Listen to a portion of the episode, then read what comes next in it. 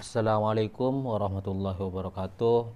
Perkenalkan nama saya Muhammad Kosim dari Prodi Ekonomi Pembangunan.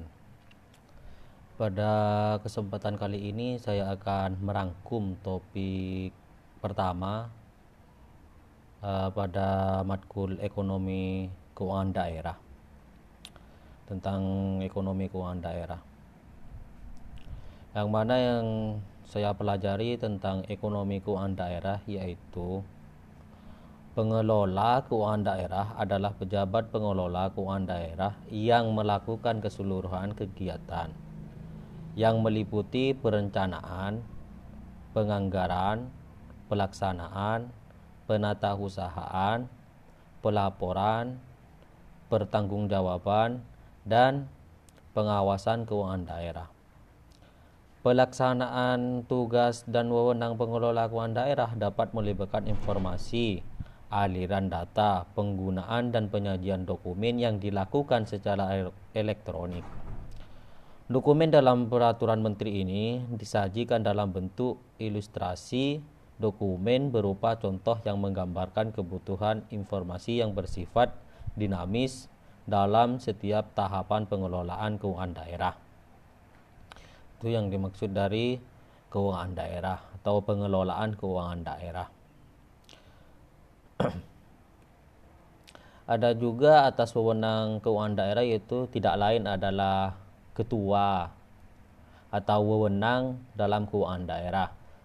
Siapa sih ketua? Yaitu ketua itu adalah pemegang kekuasaan pengelolaan keuangan daerah yang mempunyai kewenangan. Yang pertama, menyusun rancangan pada tentang APBD, rancangan perda tentang perubahan APBD, dan rancangan perda tentang pertanggungjawaban pelaksanaan APBD.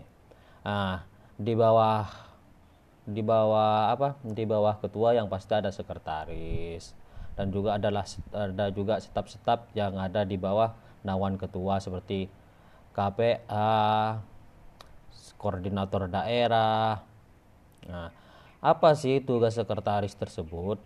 Yang pasti sekretaris adalah pembantu dari ketua yang pasti yang mempunyai uh, pekerjaan untuk daerah tersebut atau pengelolaan keuangan daerah tersebut. Nah, selain sekretaris tersebut selain menjadi sekretaris, sekretaris juga selaku koordinator pengelolaan keuangan daerah yang mempunyai tugas yang pertama koordinasi dalam pengelolaan keuangan daerah, yang kedua koordinasi di bidang penyusunan rancangan APBD, rancangan perubahan APBD, dan rancangan pertanggungjawaban pelaksanaan APBD. Yang ketiga adalah koordinasi penyiapan pedoman pelaksanaan APBD. Yang keempat memberikan persetujuan pengesahan DPA strip SKPD.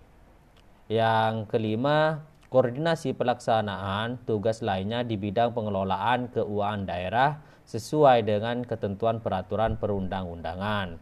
Dan yang keenam, memimpin TAPD.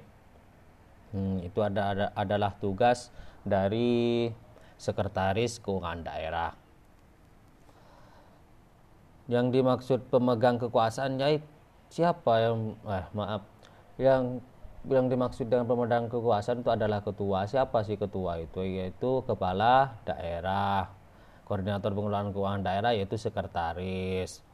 Dan pejabat pengelolaan keuangan daerah PPKD, kepala SKPD selaku PPKD adalah kepala SKPD yang melaksanakan unsur penunjang urusan pemerintah pada pemerintah daerah yang dilaksanakan pengelolaan keuangan daerah. Seperti itu.